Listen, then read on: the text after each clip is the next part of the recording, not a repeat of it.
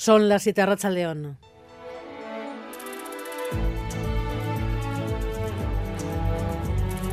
Gambara con Arancha García. 20 años de cárcel por la paliza que dejó en estado vegetativo a Alexandru hace dos años en Sornoza. 20 años por homicidio en grado de tentativa y un salto cualitativo. El tribunal confirma que todos los acusados, todos los condenados serán miembros de una banda, los Koala y Manuel Manterola fueron a matar y si no hubiera sido por los servicios de emergencias lo hubieran conseguido. La sentencia no deja lugar a dudas. Fue un intento de asesinato. De ahí las penas más altas de hasta 20 años de cárcel impuestas a cinco de los siete procesados. Penas por asesinato en grado de tentativa y también pertenencia a grupo criminal, porque la audiencia de Vizcaya da por acreditada, tal como defendía la acusación particular, que los hermanos Koala eran un grupo criminal, poco estructurado sí, pero cuyos miembros quedaban para cometer delitos.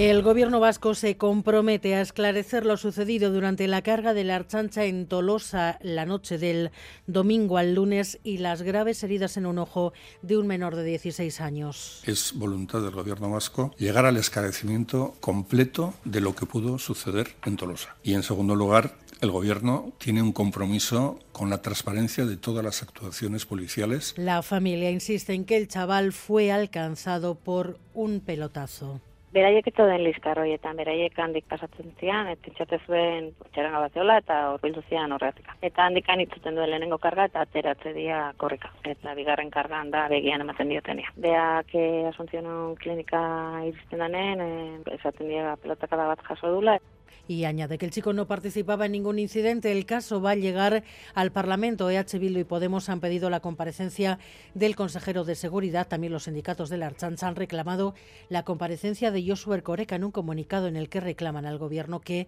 defienda a los agentes de la Archancha. Además, los carnavales dejan una sucesión de casos de agresiones sexuales en Guipúzcoa. El fin de semana en Azpeitia hoy hemos sabido además de dos denuncias en Tolosa y en Ibarra. Los presuntos agresores están detenidos. El juez ha ordenado esta tarde prisión para la persona, el hombre que arrestaron ayer en Azpeitia.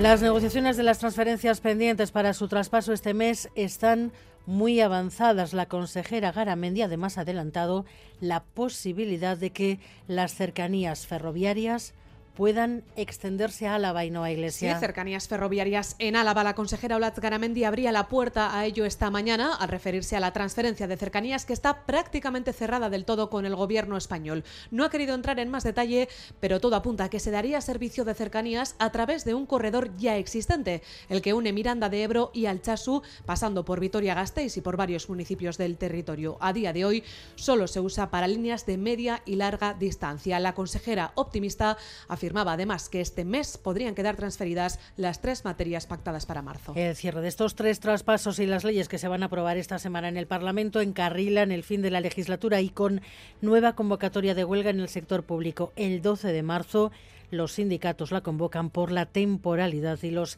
salarios. Esto cuando la Agencia Vasca de Ciberseguridad reconoce seis ataques recientes contra instituciones vascas, además del Parlamento, que ya lo contamos, otros cinco. En ningún caso hubo robo de información. El director de Cibersainza ha estado esta tarde en Distrito Euskadi se puede decir que está remitiendo, pero al haber entrado instituciones vascas en el ámbito de objetivos de esta campaña, es muy previsible que como son cíclicas, en la siguiente también tengamos alguna noticia. La tormenta de No Name parece que va remitiendo en este, en este momento, pero volverá. Israel empieza, entre tanto, a perder apoyos incondicionales ante la ofensiva que prepara en Rafah. Desmarque de Alemania, que avisa Netanyahu sobre masacrar a la población civil. Berlín, Aneira Zabal. A Rachaldeón, Alemania no se replantea, al menos de momento, parar el envío de armas a Israel, pero por primera vez cambia el tono y abronca a Tel Aviv por la ofensiva en Rafah. La ministra alemana de Exteriores, Annalina Baerbock, se ha reunido con su homólogo palestino Riyad al-Maliki y ha pedido que Israel respete los derechos humanos y garantice corredores seguros. Berlín eleva el tono, pero para los representantes palestinos son declaraciones que llegan tarde. Cierto desmarque de Alemania e impaciencia de la Casa Blanca Nueva York. Yeray Díaz, León. Según varios medios estadounidenses, Joe Biden está más cerca que nunca de romper con Netanyahu. El presidente estaría cansado de las humillaciones públicas del primer ministro israelí y de ver que no busca una solución. Biden rechaza la operación de Rafah mientras no garantice la protección de los civiles. Aún así, de momento solo habla de pausas en Gaza, no pide un alto el fuego y sigue dando todo su apoyo militar y económico a Israel. Tercer movimiento hoy, Sudáfrica África ha pedido al Tribunal Internacional de la Haya que, como dijo, vigile la ofensiva de Israel en Rafa. Y los deportes, Edu García, Rachaldeón. ¿Qué tal, Rachaldeón? Pues hasta ahora va a comenzar el entrenamiento de la Real Sociedad en el Parque de los Príncipes, el escenario donde mañana jugará el duelo de ida de los octavos de final de la Liga de Campeones contra el Paris Saint-Germain. De momento, con la duda de Mikel Oyarzábal, en torno a saber si el capitán estará o no para jugar ese encuentro. Acaba de comentar Imanol que se encuentra más o menos bien y que si hay un día para arriesgar, ese día es mañana. Así que si Berzabal se entrena con normalidad y no tiene molestias, mañana será de la partida, incluso estará en el equipo titular. La Real que asume la condición de favorito del rival, del PSG de Kylian Mbappé, pero que llega con ganas y con ilusión a un partido que bueno, retorna eh, en esta competición para un conjunto Churiurdin que no está en su mejor momento, pero que en todo caso va a competir seguro con ganas y con ilusión. Acaba de concluir en Tolosa el partido que abre la jornada última de la fase inicial del torneo de parejas. Han ganado Zabala y Martija 22-16 a Peña y Albisu, lo que hace que los vencedores eh, tengan una mejor posición, serán terceros o cuartos en eh, las eliminatorias para acceso, el acceso a las semifinales, lo cual también les va a dar dos opciones. En caso de ganar el primer partido estarán ya en semis y si lo pierden jugarán uno más para tener esa posibilidad, mientras que Peña y Albisu van a quedarse por detrás y por tanto solo, van a tener una chance de meterse en las semifinales. Y buena noticia también para esta casa, para Euskal Televista, para ITV, porque eh, vamos a poder eh, ver en directo a través de Euskal Televista de TV1 los eh, partidos de ida y de vuelta de las semifinales de la Copa de la Reina. Al igual que ha pasado con Real y Athletic en la categoría masculina, sucederá también con la categoría femenina. Así que tomad nota. Real Sociedad Atlético de Madrid el día 6 de marzo en Zubieta y el día 13 en Madrid, partidos que podremos ver por TV1, y al día siguiente, el día 7 de marzo en San Mamés, Athletic Barça, el 14 en Barcelona, Barça Athletic, las dos semis de la Copa de la Reina en directo por TV1.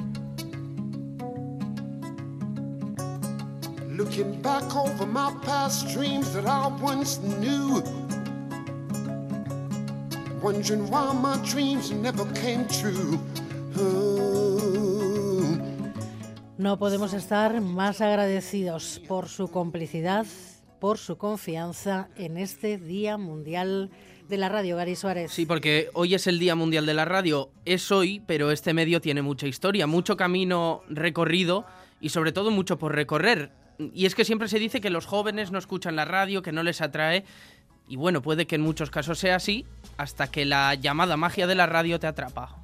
No escuchan mucho la radio, pero es verdad que durante el cuatrimestre se da un clac y es que cuando bajan al estudio de radio y empiezan a locutar sus noticias, sus boletines, bueno, pues ahí sí se da el chispazo, que digo yo, ¿no? Y descubren lo que es la radio y la magia de la radio.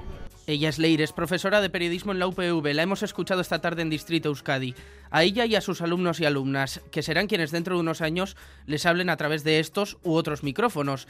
Y llaman la radio como cualquiera de nosotros. Para mí la radio es, ha sido el sonido de fondo que siempre ha habido en mi casa, el despertador de cada mañana y lo que me ponía mi madre en las noches para calmarme. Una manera de, de que la gente no esté sola. Es algo que sobre todo acompaña a los oyentes en sus momentos más íntimos. Entonces me parece que crea ese vínculo una pasión transmitida a través de generaciones y muchas veces desde el calor del hogar. Sí, a mamá lo tiene puesto todo el día y, hasta que muere la radio. Tiene una radio a pilas que no está ni enchufado.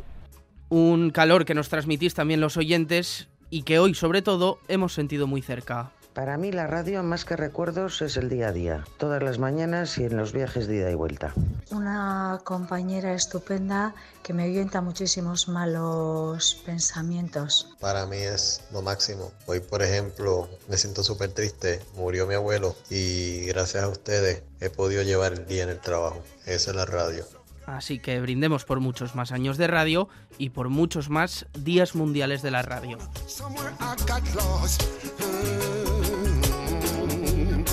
Something is holding me back. Is it because I'm black? I wanna know, I wanna know. Miguel Ortiz y Alberto Zubel en la dirección técnica, Cristina Vázquez en la producción.